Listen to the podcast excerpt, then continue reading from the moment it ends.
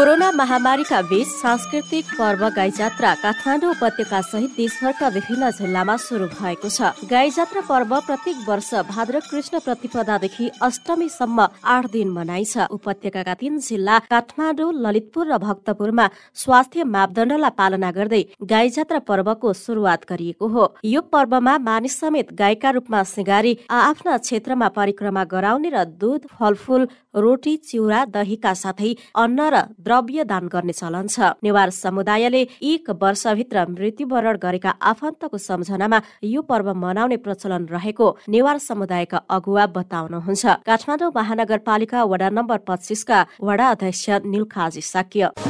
आत्माको चिज साठी काम भनेर पछिको जन्ममा जो व्यक्ति मरेको हुन्छ त्यो व्यक्तिको राम्रो बासना होस् राम्रो ठाउँमा जन्म होस् भनेर गाईको चाहिँ पुच्छर समातेर वैकुण्ठी टर्ने भनेर छ नि हाम्रो धर्म संस्कृतिमा त्यो आधारलाई पनि यसमा चाहिँ जोइन गर्न मिल्छ।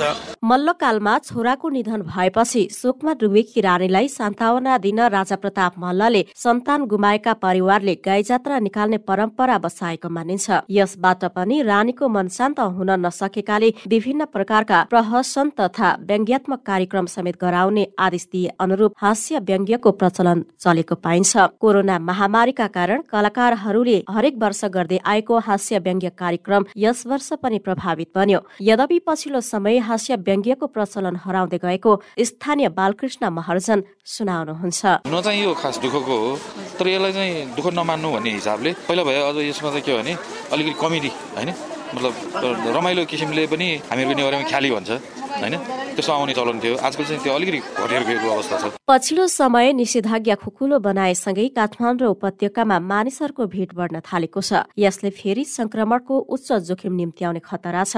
तर सरकारले स्वास्थ्य सुरक्षा मापदण्ड अपनाएर सांकेतिक रूपमा मात्रै गाईजात्रा पर्व मनाउन सचेत गराए पनि नागरिकले भने त्यसलाई व्यवस्था गरिएको देखिएको छ। तर सरकार र विपक्षमा बसेका जिम्मेवार दलका नेताहरूले नै कोरोना महामारीको नियम उल्लङ्घन गर्ने गरेकाले जनतालाई मात्रै दोष दिन नमिल्ने स्थानीय जनप्रतिनिधिको जिकिर छ। फेरि पनि काठमाडौँ महानगरपालिका वार्ड नम्बर पच्चिसका वडाध्यक्ष साक्य सबभन्दा पहिला त सरकारले बुझ्नु पर्यो। सरकार र सरकारको विपक्षमा बस्नेहरूले बुझ्नु पर्यो। उहाँहरूलाई अप्ठ्यारो हुने बेलामा लाखौँ मान्छेको जुलुस ल्याएर सडकमा प्रदर्शन गर्नु मिल्छ। धर्म र संस्कृतिको लागि चाहिँ यसरी नगरियो भए हुन्थ्यो भनेर चाहिँ उहाँहरूले जुन किसिमले आह्वान गर्नुभएको हो त्यो पहिला आफू सचेत हुनु पर्यो। आफू सूचित हुनु पर्यो।